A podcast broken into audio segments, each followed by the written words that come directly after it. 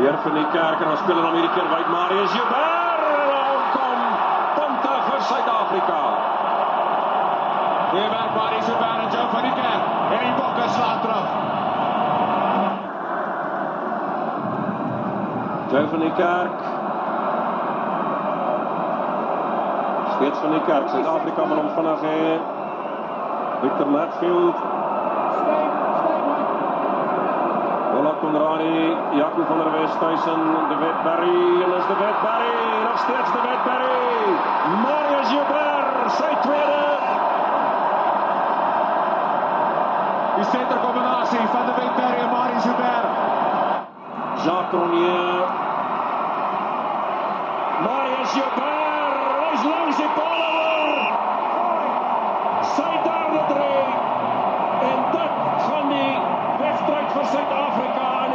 aan die sakkie toe knoop. Nou gewoonlik die laaste Vrydag van die maand het ons 'n uh, spitstyd luisteraar wat ons uh, kom geselskap hou in die ateljee, maar uh, vanmiddag is dit so 'n bietjie iets anders. Hy's ook 'n spitstyd luisteraar, glo ek, verstaan ek, maar maar is uh, nog steeds deel van RSG se 85 jaar vieringe van Afrikaanse radio en is my groot voorreg en plesier om Christo Olivier in die ateljee te verwelkom. Christo, baie dankie dat jy hier is. Nee, baie dankie vir die uitnodiging Willem. Ek moet sê dat ehm uh, Ek het maar baie klein rolletjie gespeel in hierdie groot, baie groot verhaal van Afrikaanse radio in hierdie land. Uh maar so ja, ek uh, waardeer die uitnodiging is 'n voorreg om hier te wees. Al die pad van Bloemfontein af en daardie stukkie kommentaar waarna ons nou geluister het.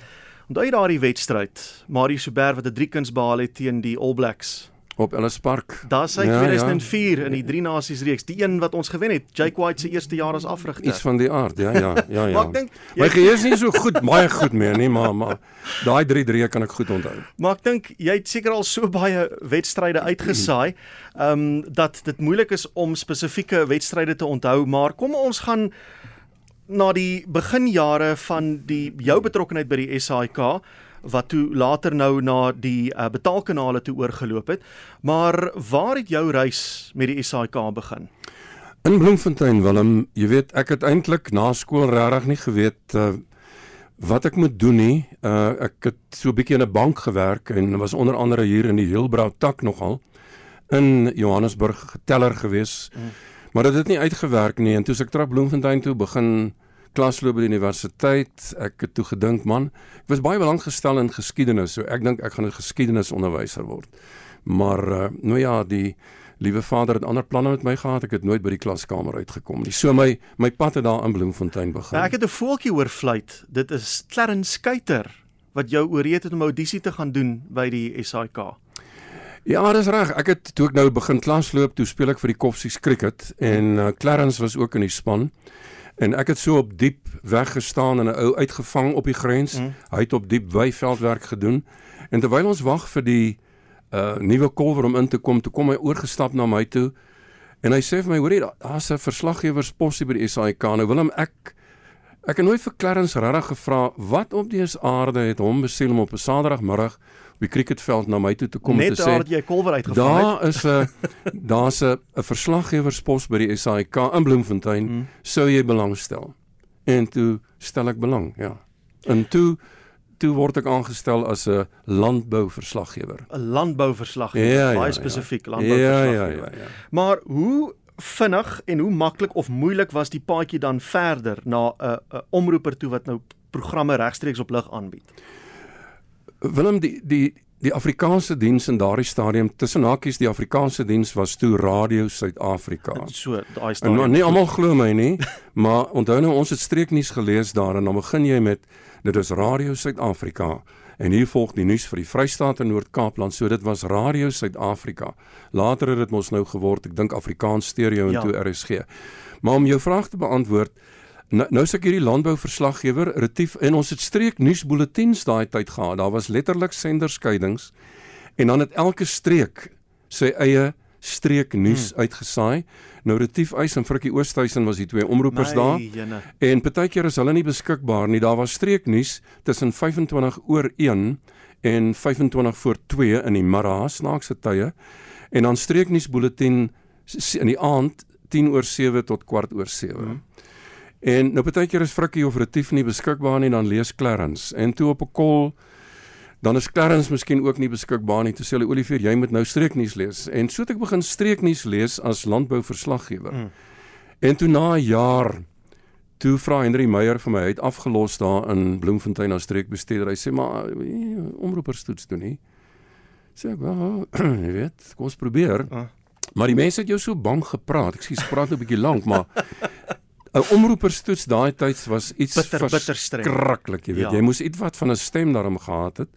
Jy moes alles jou algemene kennis, jou musiekkennis, jou letterkunde kennis, en, ja. alles, jy weet.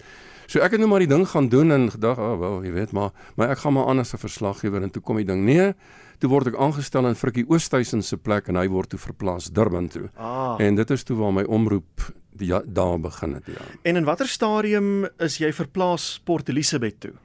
Kyk, ek was so 7, 8 jaar omtrent nou omroeper aan Bloemfontein. Hmm. En toe word daar in daai jare was die streke was regtig baie goed verteenwoordig. Daar was 'n programbestuurder en die omroepers.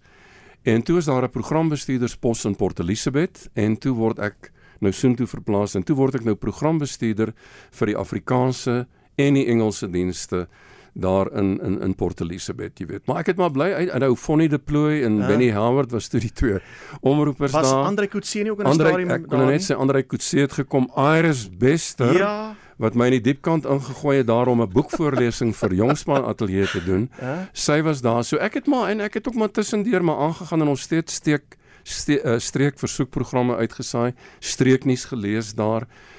En dit was toe nou Port Elizabeth en toe in 81 toe Gerard Vivier nou aftree, toe word ek Port Elizabeth ag Johannesburg toe gestuur, toe word ek die sportorganiseerder hierso. So ek was so seker omtrent is ek was altesaam omtrent 30 jaar by die SAIK, maar ek het seker so vir omtrent seker 18 jaar of so was ek met die programme gemoeid. So Christo is jy geoormerk om oor te neem by Gerard Wewe, nie net administratief nie, maar ook sy plek op lig vol te staan. Ja meneer. Ja, Dit is 'n groot skoene. Dit was jy verstaan nie mooi nie. Gerard was was iets spesiaals. Ek bedoel, ek weet nie die mense vandag nog praat mense. Ja oor hom en uit uit sportkommentaar na 'n uh, uh, absolute ander vlak geneem was waarna ons gewoond was, mm. jy weet. Ehm uh, uh en en toe tree Gerard af. En hier word Olivier nou verplaas van Port Elizabeth af Johannesburg toe. Maar ek ek het dit blykbaar nie baie goed gedoen nie, want ek was net 2 jaar in die pos. Uh maar ek het nou daarom ook begin toetse uitsaai, jy weet, en sulke tipe van goed Karibeker finale en so aan, maar goed. Toe so na 2 jaar toe wil hulle my skuif aktualiteit toe wat ek nou nie baie beïndruk mee was nie en uh toe stuur hulle my terug Bloem toe en toe word ek nou ons daar maar hoof van Radio Oranje die begin van streekhandelsdienste. Hmm. So in watter stadium uh het jy die 1981 die sogenaamde meelbom toer meegemaak? Was jy toe reeds in Johannesburg? Nee. Nee, ek was toe in in Port Elizabeth. Goed. Maar ek het letterlik omtrent teruggekom van daai 81 toer af van nie net Nieu-Seeland nie, ons was ook in Amerika gewees. Dis reg, ja. Mense praat net oor Nieu-Seeland. Ons was 2 maande in Nieu-Seeland gewees en toe daarvan af 2 weke in Amerika. Hmm. Maar ek het ons het teruggekom daarvan af en ek het vir my vrou en kinders gesê nou moet ons pak en toe het ek in 81 toe nou geskuif van Port Elizabeth af na daai toer hmm. Johannesburg toe. So in 'n stadium, ek kom ons sê nou maar voor jy terugverplaas as Bloemfontein toe as streeksdirekteur daar, het was jy baie gemoeid met sport. En dit was cricket en dit was rugby en wat het jy nog uitgesaai? Willem eh, eh, die beste opleiding vir 'n omroeper eintlik daai tyd was om in 'n streek te wees want jy moes letterlik alles maar alles doen. Hmm. En uit die aard van die saak omdat ek van kleins af maar baie groot belangstelling in sport gehad het, het ek, jy weet, het ek uh, sport geluister ge, uh, en dit was vir my 'n baie groot voorreg om daai tyd al te begin sportverslae te doen en al die dinge en saam met Gerard te wees. Jy weet, hmm. hy kom saai uit en dan is jy nou daar in Bloemfontein sy destyds het ons dit genoem opsommings, jy weet, kommentaar ja. Gerard beweeg opsommings so en so. Ek het opsommings vir hom gedoen. Maar ook saam met hom cricket uitgesaai in Port Elizabeth, ehm um, en nou saam met ou Kotie Groewele hmm. en en Andrei ook. En uh, so ons het saam uitgesaai, maar toe ek nou in Bloemfontein nog was, het hy eendag vir my gesê, "Maar luister, stuur bietjie vir my proefopnames." So ek ehm um, ek het langs die veld gaan sit en dan neem ek met 'n bandmasjien om 'n kommentaar op sommer daar vir myself, dan stuur ek dit vir hom. Soms so by 'n klubwedstryd of 'n ding. Wel 'n provinsiale wedstryd of wat se wedstryd ook al. Dan, dan stuur ek dit vir hom en dan gee hy vir my terugvoer en sê hy kyk hierna, besop hiervoor, doen dit en dat en so aan. En ja, toe hier in 72 rond toe gee hy vir my sommer my eerste wedstryd en daarvan af het ek nou maar aangegaan ja. Maar jy het al groot en belangrike sportwedstryde uitgesaai. Ehm um, vat ons deur 'n paar van hulle. Ek dink jy die jy die Afrikaanse kommentaar gedoen vir die 1995 openingswedstryd teen Australië en ook die eindstryd. Nee nee nee, nee, ek het die eindstryd gedoen, maar dit was maar dit was vir TV gewees, vir Goed, SAK. So. Dit was vir SAK TV. Goed. Nee, ek het nie die openingswedstryd in Australië gedoen nie. Hmm. Maar nee 95, ek ek ek het 5 ek het 11 wedstryde van 95 se wêreldbeker gedoen, maar dit was vir SAK TV gewees. Goed. Maar ja, belangrike wedstryde Willem, ek weet nie hoeveel tyd jy het nie. Dit is altyd dis altyd baie moeilik. Ek, ek kan ont baie goed onthou my heel heel eerste oorseese kommentaar van die Springbokke was in 80 1980 in Suid-Amerika in Paraguay wow. in Asun teen Paraguay in Asunción. Jy weet ek het ek dink dit dit was miskien goed dat ek in 80 is miskien hoekom die mense my in 81 dalk 'n bietjie makliker aanvaar het mm. met mhm. Gerard se aftrede. Ek was in 80 saam met die Springbokke, maar vir Afrikaanse radio Suid-Amerika toe. Nou ek ek kan nie wil nie 'n lang storie daarvan maak nie, maar hulle het eintlik teen die Pumas, die Argentyne, gaan speel twee toetswedstryde.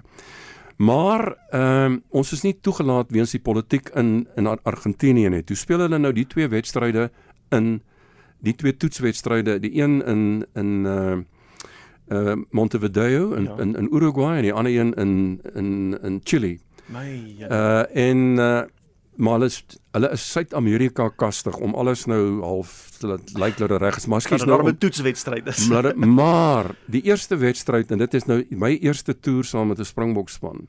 Ek en nou Trevor Cook. Nou sit ons daar in Asunción. Hulle gaan nou teen Paraguay speel. Was maklik om die Springbok span te kry, maar nou soek ons die Paraguay span. en jy soek en jy soek. Willem ons is naderhand by die veld die middag. Ah. En dis 'n halfuur voor die oorskakeling uit Suid-Afrika uitkom. Trevor sê vir my hy gaan so lank kyk of die oorskakeling of haar kontak is. Ek moet die Paraguay span probeer kry. Nou, ek kan vir jou deur 'n lang proses neem van ek vra vir die ou, "Who's your number 15?" "Your what?" Maar I say number number 15. "Your fullback." Ek sê nou. Ek sê vir hom nee nee nee. Praat daar. Nee nee nee. Spel dit vir my. Soos ons deur is ons deur 15 oh, name jene. toe ek vir hom vra na 15 name wat ek maar sommer daar gekrap het. Ja. Toe sê ek vir hom nou your reserves. I say what? Ek sê your your replacements, the rest sê hy vir my. Ek sê wat bedoel jy? Wat bedoel jy met die res? Hy uh, sê vir my, listen, we invited all the rugby players around here to come and play against the Springboks this afternoon. So oh, we we jene. picked 15, the rest they are the reserves, you know. Toe draf hulle op die veld, daar's nie nommers eers wat hulle het nie. So daai eerste wedstryd, my eerste wedstryd vir met 'n Springbok toer vir die radio nou, sal ek nooit vergeet nie. Uit die aard van die saak die toer in Nieu-Seeland, ag elke toetswedstryd, elke toetswedstryd mm. was vir my altyd 'n groot hoogtepunt omdat ek van, as 'n klein seentjie daarvan gedroom het. Ja. En natuurlik die toer in Nieu-Seeland was was 'n ongelooflike ervaring. 'n Paar boodskappe wat ons per SMS gekry het. Dit is eh, Samuel Walters van Gouda wat sê ek onthou Christo Olivier vir sy suiwer Afrikaans en sy sportkennis en dan is dit Kronee Botha wat sê uh, baie dankie vir die interessante gesprek met Christo. En uh, ons het ook hierdie uh, stemnota ontvang. Kom ons luister gou. Om te sê jou pa is jou hero is al so 'n klise, maar dis die waarheid. Een van my vroegste herinneringe as 'n klein dogtertjie was hoe my pa saans Simbamba stories gelees het, kompleet met verskillende stemme vir verskillende karakters. Hy was een van die gereelde Simbamba lesers en daai stories saans het nie net by my 'n liefde gekweek vir stories en vir lees nie, maar ook vir die radio. Die enigste keer dat ek en om die waarheid te sê my sussie ook verbied is om radio te luister, was toe die radiodrama Wolwe dans in die skemer uitgesaai is. Ons het dit skelmpies in die kamer gesit en luister, maar dan was daar groot trane as ons moet gaan slaap die aand. Maar dis wat radio doen. Dit vermaak en dit lig in en danksy my pa se liefde vir radio het dit my ook geïnspireer om ietsie daarvan weer te gee. Ek lees af en toe nuus op 'n kommersiële radiostasie in Sentraal Suid-Afrika, maar ek sou nooit daar uitgekom het nie as dit nie vir sy motivering en insig was nie. Liewe pappa, En dis jou jongste, Christo? Ja, maar nou pik ek 'n traan weg. en dit bring baie herinneringe terug. Ag, ja. Elsie, nee, joh. Baie dankie. Ek is bly as ek eers uh, met my kinders so 'n bietjie van 'n liefde vir die radio kon kweek. Maar wat sy nou daar sê was nogal, jy weet Janet Spies het destyds gesê sal ek sien Mamba stories lees. Mm. En nou kan jy maar dink, né? Hoe ek nou probeer om 'n 'n uiltjie se stem te maak of 'n hasie se stem of 'n skilpaadjie se stem en al sulke tipe van goed was 'n groot uitdaging. Maar jy het 'n toekenning ontvang daarvoor. Ja, ag Willem, weet jy ek, nee nee, ek het ek het ehm um, Iris Bester het uh, jongspan ateljee in Port Elizabeth aangebied. Hmm.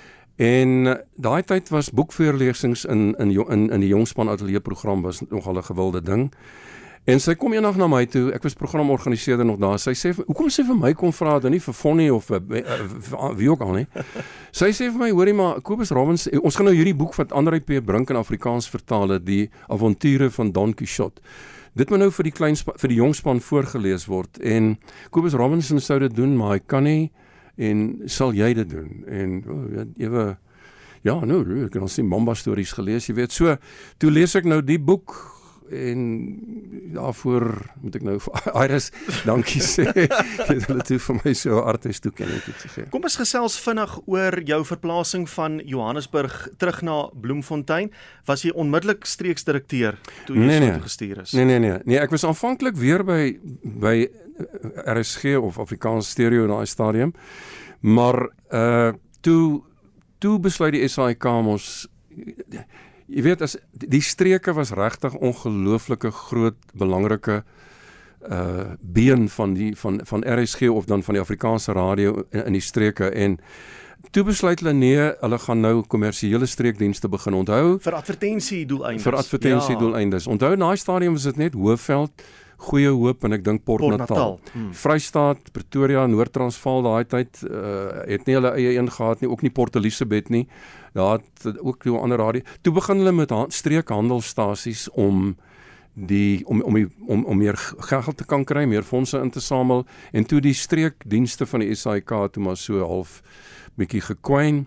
En uh, toe word ek nou die eerste hoof van van Toe Radio Oranje in daai stadium. Mm. En toe met die oor Karel Leonard was die streekbestuurder en toe hy oorlede is ook 'n baie baie groot in die nuus naam hy was lank ook ek dink SAIK se hmm. verteenwoordiger in Londen. Toe Karel te oorlede is toe word ek nou goed. die streekbestuurder. En as mens nou streekbestuurder is is jy dan by verstek ook die stasiebestuurder van Radio Oranje? Nee nee nee nee. Nee nee, nee albei albei albei grobbelare toe die stasiebestuurder goed ek ja, sien. ja. en net ons luisteraars herinner daai tyd het Radio Oranje soos dit daai tyd bekend gestaan het Radio Algoa Radio Jacaranda al daai stasies het aan die SAK behoort.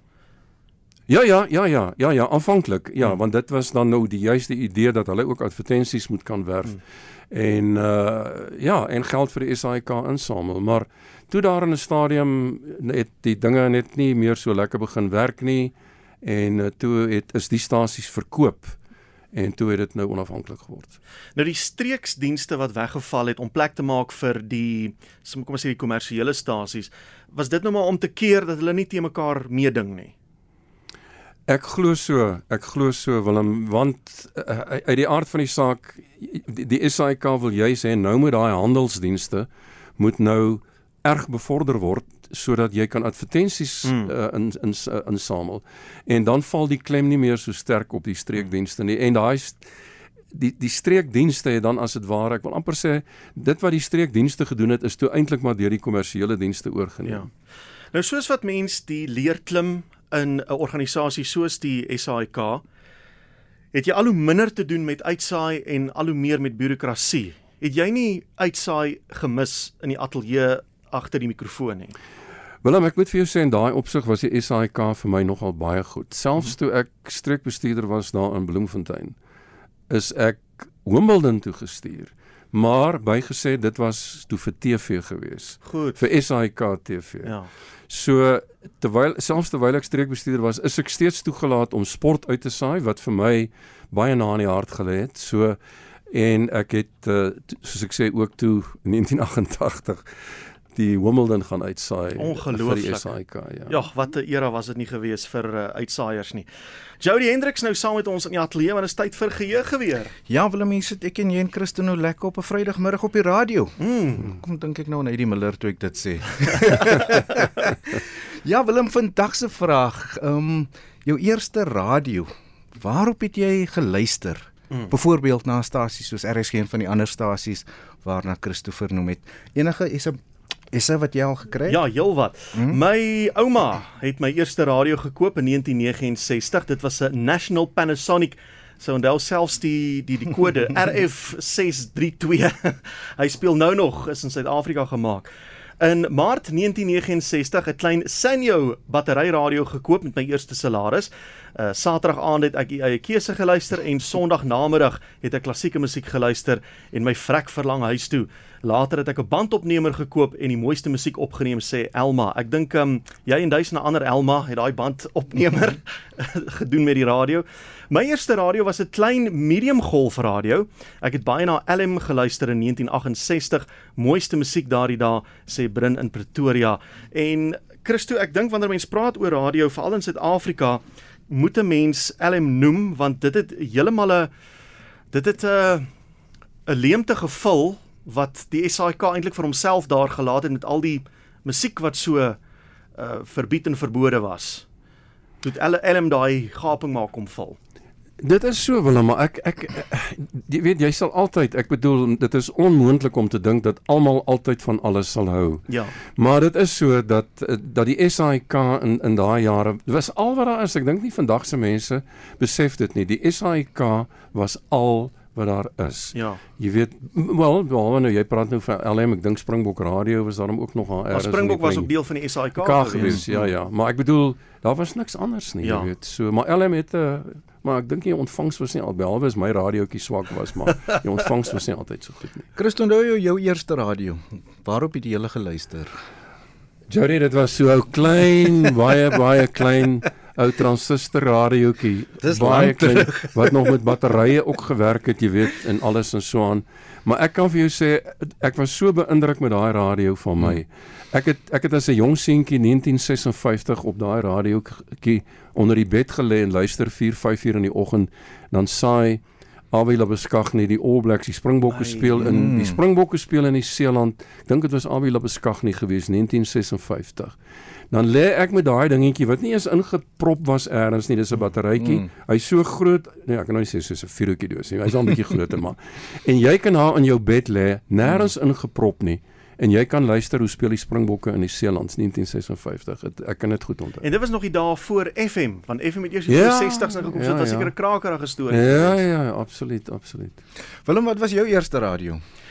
Ek was uh jy het genoem 56 toe jy so jy was om en by dan 10 jaar oud gewees. Ek was 10 jaar oud toe ek my eerste radio gekry het. Okay. Dit was 'n verjaarsdag geskenk. Dit was so Ek kan seker maar 'n hoëtrou stelletjie noem. Dit was 'n kaset, dubbelkaset mm -hmm. met die radio en 'n platespeler. Okay. En ehm um, dit is waarop ek my eerste radioprogramme geluister het. Mm. Dit is waar ek eerste keer doelbewus na 'n RSG geluister het. Ek dink daai tyd was dit nog Afrikaans stereo. En dit is 'n radio wat baie baie lank gehou het. Ons het jare later toe ons uh, ons het so plaashuis gehad, nou nie elektrisiteit gehad nie. Ons het net so 'n Lister engine gehad wat ons die aande uh, aan die gang gekry het net om die nodige ligte aan te sit, dan het kon ons hierdie ding koppel aan 'n battery. Dan het ons in die aande plate geluister op die plaas op hierdie einste hoëtrostelletjie. Dit was baie baie goeie dae geweest. Ek was dink 13 of 14 toe kry ek 'n CD-spelertjie by my ouma met 'n um, dat die CD-speler bo en dan natuurlik jou radio en die kasetspeler en dan sit jy die radio aan en dan het ons op kassette die TDK's onthou jy ja, die 60 ja, en die 90 sy, ja. het ek dan die musiek opgeneem en ek kon nie die CD's bekostig het nie. Mm. So dit was my eerste radio en natuurlik om vir my ure ook na die radio geluister onder andere rugby uitsendings destyds van Johan Rademan met wie ek ja. nou deesdae werk. Maar eh, kom ons luister na die stemnotas van die luisteraars wat sê hulle oral ja, eerste radio. Heel wat ingekom. Willem, Marag, Nicholas, uh, om mee te begin, veels geluk met RSG se verjaardag. Ek hoop haar is nog baie jare van aangename luistergenot vir ons en julle moet dit geniet en sterkte ook vir môre aan se direkte uitsending. My eerste radio wat ek kan onthou was die Tachi geweest of suits is eintlik snaaks. Wat gebeur het is uh, iemand het oorgebly in die hotel en toe het hulle 'n bietjie te kwaai gekuier die vorige aand in die kroeg en toe is daar nou nie die volgende oggend uh fondse om die nag se verblyf te betaal nie. En toe die ou vir my pa die radio geoffer as as soort van 'n ek sal nie sê 'n ruil transaksie nie maar om sy rekening te vereffen. En uh toe ek die middag uit die skool uitkom en vir my pa vra maar wat se radio staan nie in sy kantoor? Toe sê vir my nee maar ek kan hom maar kry as ek hom wil hê want uh, die ou kon nie sy hotelrekening betaal nie. En toe hy die uh radio vir my gegee. En gelukkig was sy PM9 battery ry nog in en goed en so en sedertdien het ek nog altyd 'n radio by my gehad. Uh oral waar gegaan het behalwe in die army daar het ons geroer as jy radio gehad het uh buite uh, aftyd maar ja dankie vir 'n pypprogram en lekker dag verder. Goeiemôre is Annetjie van South van Elades Park af. Ek onthou ek nog in die laerskool was het my pa so ou radio gehad wat so suis geluid gemaak het. En dan het ons gewoonlik net saans geluister word hy aangesit. En dan is dit nuustyd huisgodsdienstyd die deploys van Soetmelksvlei wat wat 'n fees was en dan het my pa geluister na hierdie is dit 'n kas een of ander komediese storie van twee mans wat met mekaar mekaar afgespeel het. Ek kan nie onthou of dit Casper was of Hans se Mans of so iets van die aard nie, maar dit was ook nogal lekker om daarna te luister. Verlang sommer nou weer terug na daardie dae. Lekker middag. Tata. Middag Willem Johan van Bloemfontein. My eerste radio was 'n Crystal set Hy werk nie met batterye nie, net 'n lang ligdraad. Ek het hom vir Kersfees gekry toe ek 5 jaar oud was. En dan moet jy eerfone oopsit, hy speel baie sag. Dankie. Nee, luisteraars, insette elke week is vir my 'n hoogtepunt Willem. Iets wat ek geniet het toe ek radio geluister het as 'n tiener. Ek het altyd gedink, byvoorbeeld as ek nou jou moes geluister het, hoe lyk Willem Pelser? Hoe lyk jy Johan Rader? Ek het altyd probeer om 'n gesig by die stem maar, te sit. Weet jy wat is vir my snaaks? Tot vandag toe is daar mense wat dan na my toe sal kom en sê, mm. "Nou weet ek hoe lyk die mm. gesig agter die stem." Maar ek dink myself, maar daar's internet. As jy ja. Google, dan is dit is so maklik om te weet hoe lyk die gesig agter die stem, maar dit is nog steeds asof mense daai misterie wil hê. Hulle wil op 'n manier op een of ander vlak nie weet eintlik hoe lyk die stem nie. Hulle sal dit eendag as hulle die persoon ontmoet, sal hulle dan weet. Gelukkig eendag toe sê tannie vir my, "Jy lyk daar mooier as my radio," want sy kyk na my op die radio. so dit was dit. Wil ons nog 'n paar SMS'e wat jy wil ja. lees en dan sit ons gesprek voort met Christo. Ons eerste draadloos was eh, 'n uh, groot houtmeubelstuk in die sitkamer. Ons geliefde program was Saterdag aande die Millie Blaar Klub. Mm. Sê Anne Marie, daar sy. Uit Bloemfontein uit hoor. was dit uit Bloemfontein? Uit Bloemfontein uit, ja. Hey, En my eerste radio het ek self gekoop. Dit was 'n motorradio. Ek het Joe Dolan Kliphard gespeel. My gunsteling radiopersoonlikheids. O, okay, is Willem Pels. Sê Juna in Kaapstad. Dankie Juna. Uh eerste radiootjie einde Maart 1971 met my eerste salaris gekoop. Ek het al die treffers op LM Radio uh, geluister, sê Sanita in Swellendam. My eerste radio was 'n kristalstel wat ek self gebou het in die laerskool. Ek onthou nog die lang ligdraad uit my kamervenster, sê Johan van Brackenfell. Ek is gebore in 1937, ek's net so oud soos Afrikaanse radio. Ek het begin verpleeg in 1956 by Grote Skuur. Ek was 18 jaar oud, nagdiens en bedags het ek geslaap en 'n uh, 6uur het ek 6uur die aand het ek dan wakker geword met uh, die radio was 'n Murphy wat my pa vir my gekoop het en daar het ek LM radio en dan ook na Esme Ewerhard geluister. Ek geniet die spesiale programme sê Amanda. Ek was 13 jaar oud in 1949. My ouers koop vir my toe 'n gram radio wat net kortgolf kon opvang. Ons het saans uh, was dit die hoogtepunt vir ons soetmelksvlei sê Karel van Marble Hall. Seker klomp programname hierso Christo mm. Soetmelks Vlei en Esme Ewerhard wat baie herinneringe terugbring. Ja, jy weet Willem, ek het in 'n stadium daarna verwys dat daar aan die aande nasionale nuus was van 7 uur tot 10 oor 7. En dan van 10 oor 7 tot kwart oor 7 was daar streeknuus. Elke daar senderskynings dan elke streek. Mm. En dan van kwart oor 7 tot 20 oor 7 was dit boeke vat. Dit was om die huisgodsdienst ja. gedagte wat destyds baie sterk was, né? By die by die luisteraar, dan het iemand Bybel gelees en 'n gebed gedoen. En dan 20 oor 7 in die aande het die vervolgverhale begin en die deploys van Soetmelks vlei wat Jan Skutter geskryf het was ongelooflik want weer eens daar was nie televisie nie mm. waarna die mense geluister radio. Mm. Ja. Willem ek iemand het verwys na motorradio's. Onthou jy die een wat jy nog so moes uithaal en ja, dan moet jy ons so ronddra saam met jou. en toe later met tegnologie kry jy die CD-speler wat jy net die gesig afhaal. Die gesiggie. Ja, dit baie mense natuurlik wat in hulle motors na die radio luister mm. en soos na ons vanmiddag op pad huis toe. Maar kom ons luister na nog 'n SARS stemnotas.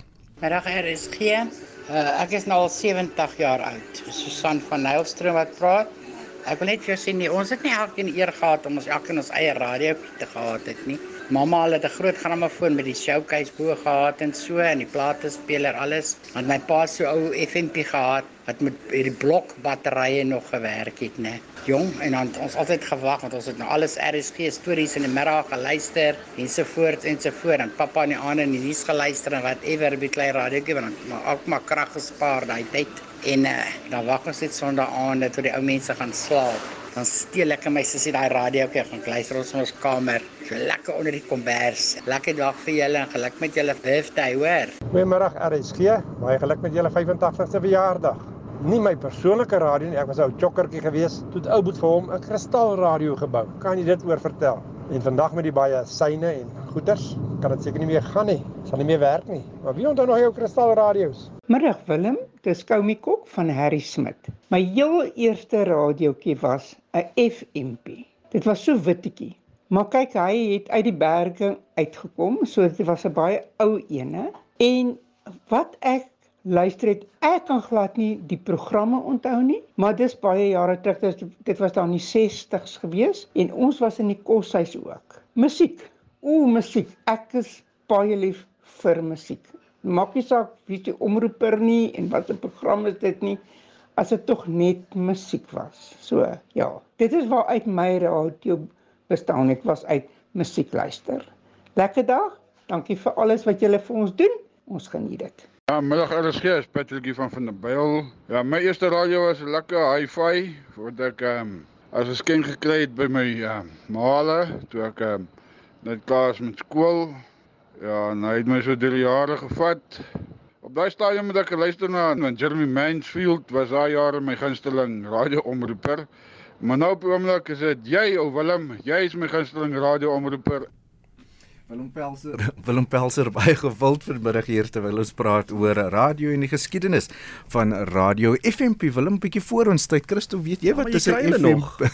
Ja, daai klein radiootjies wat met die batterye werk. Party van hulle werk met hierdie ehm um, dubbel A batterye en ja, is mos so klein dingetjie. Weet jy waarna luister ek vandag radio? Waar? Ek het net 'n speakertjie, luidspreker wat ek met my foon connect Ja. en dan so met hy- Bluetooth, ja, nee. Ja, hy dit is mos hoe mense deesdae doen. Ehm um, is daar nog 'n paar SMS'e waarmee ons so vinnig kan afsluit? Ja, ek dink ons kan vinnig afsluit na aanleiding van die nuushooftrekke wat jy vroeër gelees het. Christo sê iemand, "Wow, hy mag maar." Oh, oh. en dan is dit uh, hierdie een van Hein in Bloemfontein wat sê ek onthou vir Christo Olivier en Retief Eis. Ek sal hulle programme altyd onthou.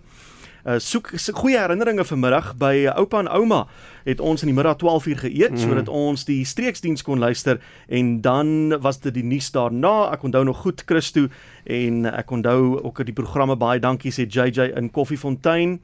En dan is dit hierdie een wat sê ja, Dominee Jan, hy was die polisiekapelaan en hy het die uh, huisgodsdiens aangebied en dan is die haleluja's gesing. So dit was dan vanmiddag se geheue weer. Eh, Dit was heerlik Christo om eerstens vir jou te ontmoet, om baie van jou gehoor, een van die legendes in Suid-Afrikaanse radio Willem en, en alhoewel jy nou die gewilde een is vanmiddag dink ek. Gam Christo het op diep spore gestap. Ek is omring deur twee cricketkenners. Ek gaan nie vir jou 'n vraag vra aan die Willem Pelser, maar wel vir Christo, 'n moeilike wedstryd wat Sondag wag op die Proteas en as ons kyk veral na hulle geskiedenis by wêreldbekers, ehm um, veral teen groot spanne sukkel hulle. Ja, moet jy dit so hard sê, jy weet, dit is dit is 'n probleem, jy weet, maar jy weet cricket, ons weet mos nou cricket is so moeilike wet 'n spel om te voorspel. Ek meen uh dinge kan so maklik uit kyk wat het nou met Indië, ag met Pakistan mm, gebeur. Mm gister of wanneer was dit nou Ja, gister teen jy weet teen Zimbabwe. En daarmee met alle respek teenoor Zimbabwe jy weet jy sou nie dink dat Pakistan daar kan verloor nie. En uh selfs die Ire teen Engeland ek meen Mhm. maar ook daar die, die weer kan 'n rol speel. Al die dinge kan 'n faktor wees. Suid-Afrika het nie onlangs in Indië goed gedoen ook nie. En dit is so. Ons om een of ander rede sukkel ons teen die draaibal bowlers maar gelukkig is die blaaie, die kolfblaaie in Hmm. Australië dink ek gaan nie vir ons vir die hopelik vir die Indiese draaibalbouler soveel help of hulp verleen soos wat gebeur Hmm. daar in Indië nie. Ons het 'n sterk kolflys. Ek bedoel ons Hmm. as jy kyk na Quentin de Kok, eh, David Miller, Makram, Riley Rousseau wat nou op die oomblik baie goed Hmm. kolf. Ons het 'n baie baie sterk kolflys. Maar jy weet dit is net 'n vinnige paaltjie of 2 3 daar's 'n bietjie paniek onder die ouens en dink ek kan so maklik skeefloop. En nou ewe skielik Virat Kohli, ek moet nou met jou eerlik wees nê. Ek het in 'n stadium gedink ek wonder of Virat Kohli se loopbaan nie dalk maar begin einde se kant toe staan nie. En kyk wat gebe gebeur nou die dag met hom. Hy speel een van die beste beurte van sy loopbaan seker. Mm. En uh, so dis baie moeilik om te sê. Kom ek sê vir jou so Suid-Afrika het druk want hulle moet mos om hiervandaan omtrent alle wedstryde ja. wen. Ek ek dink as die spelers se koppe reg is, as hulle kan die selfvertroue hê teen die Indiese draaibal bowlers, kan hulle goed doen. Ons bowlers het goed gedoen nou die dag veral Hendrik Norke, Mhm. maar ons sal daar's een of twee van die Oos-Indiese kolwers wat ons ook baie goed en vinnig en goedkoop van ontslaan moet raak. Ja. Dan het ons 'n kans. Kom ek sê vir jou so, ek dink ons ons het 'n kans, maar jy kan niks as vanselfsprekend of.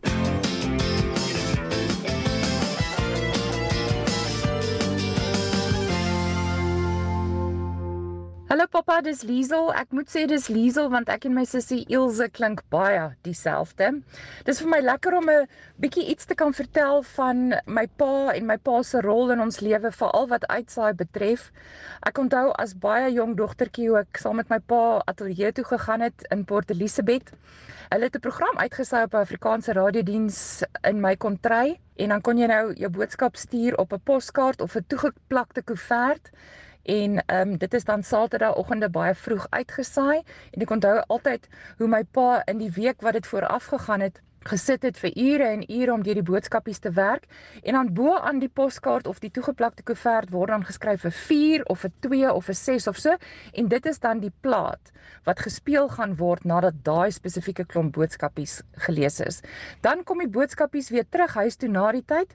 Ons het verskriklik baie plate gehad by die huis en dan het ek so my eie program aangebied van in my kontry en 'n uh, boodskapies gelees en so ook plate gekies wat nommer 1, nommer 2, nommer 3 ensovoorts was.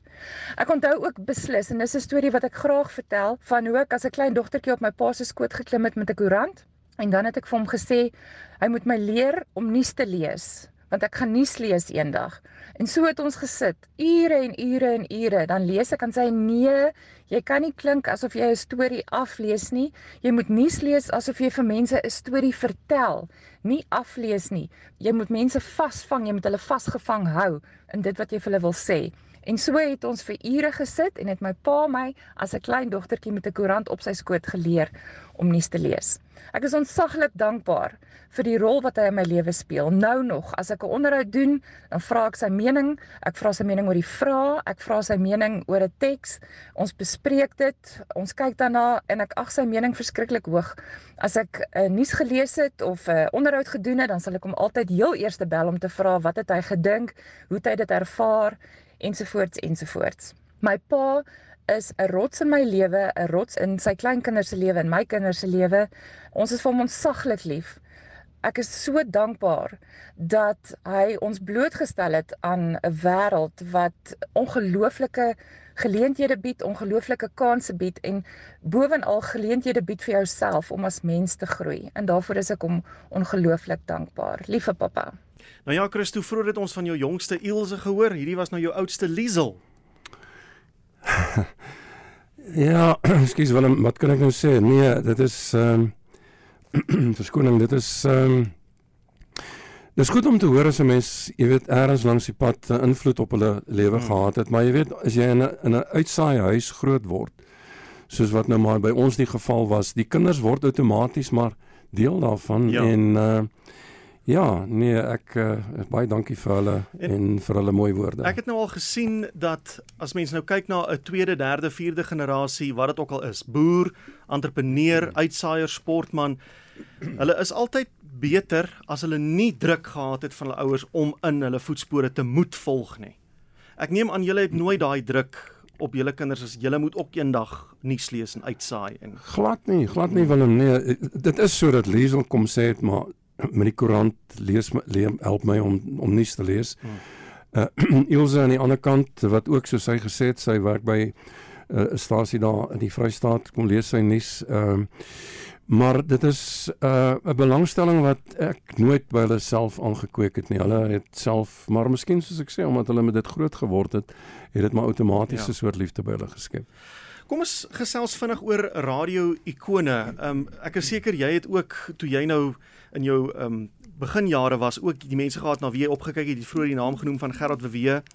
Daai mense was uh, hulle was daai era se glanspersoonlikhede. Daar was nie TV-sterre en daar was baie min rolprentstelle, min, min sangers. Omroepers was die glanspersoonlikhede. Absoluut Willem, weet jy wat nee? Ek bedoel, ek dink nie vandag se mense besef regtig wat radio en die is wat radio en dan in ons geval Afrikaanse radio vir mense beteken het in daai tyd nie. Ek bedoel dit was nie net 'n stem in die huis nie. Daar was onthou nou daar was niks anders nie. Hmm. Daai mense was nie net 'n stem in die huis nie. Ek wil amper sê hulle was nie net 'n gas in die huis nie. Hulle was amper soos familie in die huis. Uh vir wie jy jou jou deur elke dag oopgegooi het. Dis die mense wat in jou hart ingekruip het en wat wat so sukses soos familie gevoel het. Ek ek kan onthou as 'n klein seentjie weer daar was ouens soos en die mense sal hulle nie onthou nie. Dana Neus, ja, Ou Meyering. Ja, ja. Jy weet Johan de Bruin en toe later nou Gerard wat wat, wat gekom het. Dit was mense wat regtig die volk aangegryp het. Kan ek die naam noem van 'n Vanus Rautenbach? Mm. Jy weet, ek bedoel die mense ek hier flink in die vere in die oggend het aan sy lippe gehang. Hy het 'n ongelooflike groot status gehad. Ek het Gerard se naam genoem. Uh jy kan jy weet dink aan 'n Rian Kruiwagen. As ek as jy na die vrou na die dames kyk, jy weet, ehm um, uh Werner Vels wat uh byvoorbeeld met haar karakterskep van van 'n liewe heksie gekom het. Otter Jasie, daai die, die die mense het aan hierdie mense se lippe gehang in die Die lys is eintlik baie lank. Ek moet eintlik nie Breed, Esme Everard, Abdulsie van der Berg. Jy weet, jy kan met waar stop jy? En as jy mm. na die na die effens jonger geslag toe kom, jy weet 'n Leon Schuster byvoorbeeld ja. met sy vrypostige mikrofoon, jy weet. Hy sportjoernaal aangebied toe ek sportorganiseerder was. Het hy in die aande half 7 sportjoernaal aangebied, maar sy vrypostige mikrofoon mm. het hom onder mense se aandag gebring, jy weet. Uh ek bedoel, so kan jy aangaan en aangaan. Hierdie mense soos ek sê het so diep in en en, as baie ander in in in luisteraars se harte ingekruip want dit was die mense wat hulle elke dag van hulle lewe uh ek kan amper sê hulle oor was, hulle oë, hulle hulle hulle alles. Ja. Uh, uh, dit was ongelooflik hierdie hierdie en, en hulle met reg kan hulle as ikone beskou word. Is amper tyd dat ons uh, moet by die weervoorspelling uitkom, maar ek wil net gou vinnig vir jou vra iets wat my altyd fascineer is wanneer dit kom by die tegnologie wat so ontwikkel het. Hoe daar ons vandag ek meen ek sit met rekenaars hier voor my. Alles is digitaal, alles is gelaai op uh, sagte ware waar jy nog die draaitafels gehad en die die mengbank het anders, alles was net anders geweest. Elke liewe stukkie musiek wat op die radio gespeel is, is van 'n plaat afgespeel. Groot draaitafel terwyl die een nog draai, dan sit jy so lank op die ander draaitafel weer. Ag, en 'n solo sewes en is hierdie langspeelplate. En die verskillende spoed, jy moet die spoed ook aanpas. Ja, spoed moet aangepas word. En onthou, nou speel jy miskien 'n uh, opname van Engelbert Humperdinck, maar die snit wat moet speel is nommer 4 op daai langspeelplaat, ja. jy weet. So nou moet jy daai uh nou jy daarmee dower gehad wat jy toegemaak het wat wat, wat sodat die luisteraar dit nie hoor nie, maar nou gaan jy daai snit nommer 4 kry en jy mm, mm, in jou oorfone kan jy dit nou hoor. Nou skuif jy tot jy hoor dis nou waar daai plaat begin. Mm. So elke liedjie was gespeel van 'n plaat wat jy na die tyd maar weer terugsit in sy houer en dan so jy het met 'n pak plate letterlik in die ateljee ingekom. Redigering. Ek bedoel ja. julle redigeer deesdae. Ons het nog met hierdie ou spoelbande gehad, mm. jy weet met die linte en die goed. Die lemmetjie wat jy moet sny. Ja, en dan krap jy so merkie waar en jy weer eens jy gooi hom so heen en weer as jy mm en a of 'n ding wil uitsny, dan knip jy hom met 'n lemmetjie of met 'n skertjie en dan las jy hom, jy splice hom so, ja. jy weet as ek die woord mag gebruik. So het ons geredigeer, jy weet, maar net laastens oor jy praat van die ikone, as ek dit ook kan sê, Willem, jy weet, ons het met bandmasjiene oor ons skouers gegooi en dan het jy die plat die streek plat gery. Jy het in mense se huise gekom. Jy het hulle gaan daai stories gaan soek. Jy het in hulle huise gekom. Jy het hulle stories daar opgeneem by hulle werk. Dis waarom ek sê daar was so 'n ongelooflike band met jou luisteraars mm. wat ek dink nie vandag so so regtig so so baie meer bestaan nie Christo, ons uh, kuiertjie kom uh, amper tot 'n einde. Ek het hier 'n boodskap gekry van Pieter Joubert. Hy sê ek het saam met Christo gewerk in Bloemfontein. Ja. Ek was 'n bedryfsassistent. Ek onthou die program Ons gaan dorp toe wat ons op klein Vrystaatse dorpies opgeneem het. Willem, ons kan baie lank hieroor gesels. Hmm. Weet jy, ons het tot vasvra programme tussen dorpe. Dit is waarskynlik waarna hy verwys. Jy sal die burgemeester of die dominee of iemand bel op Lady Brand, kry vir jou drie manne in die buurdorp en dan ry ons soontoe en dan het ons vasvra programme tussen die dorpe het ons uh, opgeneem en uitgesaai ook weer op streekvlak. Ek het so goed David van Lille was nou die oggend op op en wakker en hy het dit mooi in besonderhede beskryf. Dit was Ja. verskriklik interessant geweest. Ja, ja. Maar Christo, so deur die loop van jou loopbaan was daar seker am jy het vroeër gepraat van the rest. Dit het my nou laat wonder of daar nie soortgelyke stories is. Mense wat jou miskien al op straat erken het en uh, snaakse interaksie met luisteraars of kykers of met um, kollegas. Het jy 'n storie of twee wat jy met ons kan deel? Julle paar stories Willem, ek sal dit baie kort probeer hou. Ek moet al net sê ek ek en Marietta Kreer het ook in 'n stadium saamgewerk, jy weet. So sy is ook nog 'n ikoon wat ek kan sê ek het dan 'n bietjie saam saam mee gewerk. Baie vinnig. Ek gaan baie vinnig probeer wees. Jy weet die Afrikaans was destyds daar was jong. Ons het nie eens Engelse liedjies in Engels aangekondig nie. Jy moes dit in Afrikaans So aankondig. jy moet die titel vertaal. Die titel moet jy vertaal en aankondig. So toe kon so kondig een van my kollegas 'n liedjie aan en nou gaan ons luister na Spring Spring Spring. En ek dink toe dis en aardig. En die liedjie begin en dit blyk toe te wees die liedjie is eintlik Spring Spring Spring. So dis veronderstel om vertaal te gewees het met lente Lente. lente lente en nie spring spring spring nie. Dan was daar 'n ander kollega toe ek toe ek begin het as 'n omroeper, toe gaan ek vir 'n jaar, ag vir 'n maand kommissionerstraat toe vir opleiding. Ja. Nou sit een van die my kollegas aan die oorkant en dit was nie Marietta nie. Uh en ek sit aan die oorkant, ek moet nou kyk hoe dinge gedoen word. Sy kyk so op die olosie. Nou hang die mikrofoon so omtrent 'n voet of twee voor haar. En sy sê en dit is nou presies, dit is nou presies en sy begin al nader aan die mikrofoon en al nader aan die mikrofoon kom tot haar mond teen die mikrofoon en sy vra vir my, "Hoe laat is dit?" Ek kan nie sien. Jy weet, en net terwyl dit op die lig is. Uh, ag, daar was daar was ander interessante gevalle. Ek kan onthou ek moes 'n administrateursvrou gaan opneem by haar huis oor 'n ding en maar sy sê vir my sy sê my my esse fluit verskriklik en uh, ons neem so 'n stukkie op en ek So sy sê speel sy smaak soos Ja ja en en ek ek ek speel dit terug. Sy sê nee nee, sh, nee ons kan nie so met hierdie esse wat so nie. Ons moet dit oor opneem. Ek sal 'n plan maak. Toe plak sy so 'n stukkie kougom agter haar tande daar waar die esse so fluit, jy weet en so aan. En toe neem ons haar op met die kom. Net 'n laaste een Willem as ek mag. In Port Elizabeth kry ek die opdrag Meneer John Foster, die president kom in om sy nuwejaars toespraak of ou of Kersboodskap te kom opneem. Nou hom Port by, by die Port Port Elizabeth tak. in die ateljee, ja, hy Goed. hy kom in die ateljee kom hy sy nuwejaarsboodskap of iets opneem. Nou vat ek hom ateljee toe en ek is maar effens beverig en soos wat jy nou maar maak met uitsaai, jy moet altyd net eers 'n stembalans kry, jy weet. Ja. Hy gaan sit so in die stoel en ek sê vir hom "Eh, meneer Foster, eh, ons wil nou net gou u balans neem. Hy sê vir my Daar's niks met my balans verkeerd nie. Ek ek sê vir hom, ek sê nee nee nee nee nee, eh, dit is nou nie wat ek bedoel nie. Ons wil net graag hoor hoe hard of hoe sag die mikrofoon nou gewees as hy praat. Ek sê daar's baie dinge waarvan ek niks weet nie, maar ek weet hoe om oor 'n mikrofoon te praat. Jy O, weet en so ja, maar jy agterna, maar. maar agterna toe kom by sy huis, by sy huis gaan kuier. Ek ek, ek moes twee voorbeelde, belangrike voorbeelde in my lewe, dis my laaste opmerking. Ek ek moes voorbeelde doen oor die twee eerste twee staatspresidente van Suid-Afrika, meneer C.R. Swart en meneer Foster en ek het agterna ag en en meneer Jim Fouché. Ja. Meneer Swart en meneer Jim Fouché. En toe oor vir meneer Jim Fouché se voorbeeld het ek met meneer Foster onder andere gaan praat oor sy herinneringe. Toe het ek vir hom by sy huis gaan kuier en ons het toe baie lekker gesels daar nie so kwaai meer nie. En met oom Blackie natuurlik, ons het 'n ongelooflike verhouding gehad. Hy het vir my gereeld briewe en poskaarte en goed gestuur. Willem, dankie vir die geleentheid om hier te wees. Dit was regtig vir my 'n baie groot voorreg. Baie dankie. Christo Olivier, al die pad van Bloemfontein af, maar hy woon daarom die eie keuse konsert by môre aand. Môre aand so, dit is daarom ek neem aan en ek glo en vertrou die moeite werd gewees om die 4 ure te ry Johannesburg toe. Sien baie uit na môre aand. Baie dankie. Dankie Christo.